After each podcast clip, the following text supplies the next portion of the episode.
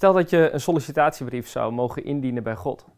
Wat zou je er dan inzetten om te rechtvaardigen dat Hij je aanneemt voor werk in zijn koninkrijk?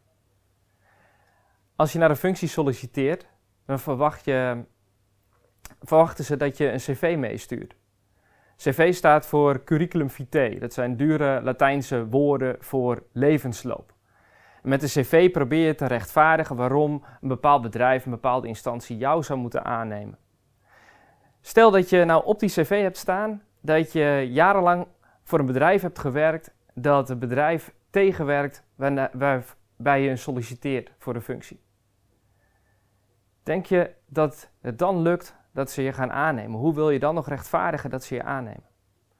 Als ik bij God een eerlijke cv indien, dan moet ik daar ook opzetten dat ik mij nogal eens in heb gezet, ingespannen heb voor zaken die strijdig zijn, die tegen zijn koninkrijk ingaan. Hoe wil ik nou met zo'n cv nog rechtvaardigen dat God mij aanneemt? Volgens Paulus ben ik niet de enige met dat probleem. Hij schrijft in zijn brief: Ieder mens is onbetrouwbaar. Maar goed, dat is een schrale troost. We kunnen dan samen met anderen een soort van lotgenotengroep voor zondaren beginnen. Maar gelukkig is er meer te melden. De zin is nog niet af. Ieder mens is onbetrouwbaar, maar God is betrouwbaar. En dat is zo'n grote bemoediging. God is betrouwbaar. Gods trouw begint niet bij mijn trouw. En Gods trouw is ook niet afhankelijk van mijn trouw. Gods trouw vraagt wel om een antwoord. Vertrouwen. En wat is het onuitsprekelijk belangrijk dat God trouw is, want anders zou ik niet kunnen vertrouwen.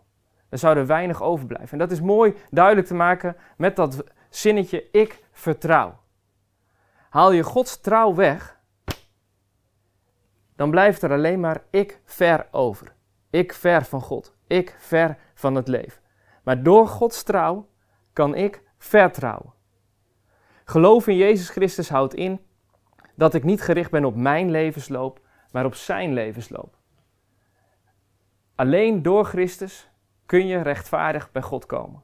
En zie af van je eigen slechte cv. Hou op met het indienen van die cv bij God. Probeer niet daarmee aangenomen te worden. De fout is dan dat ik denk dat het echte leven bij mijzelf begint. Ik zeg kom tegen God, maar ik heb een God nodig die kom tegen mij zegt. En die God is er. Hij is de God van Israël, die door zijn zoon Jezus Christus ook uw, jou en mijn God wil zijn.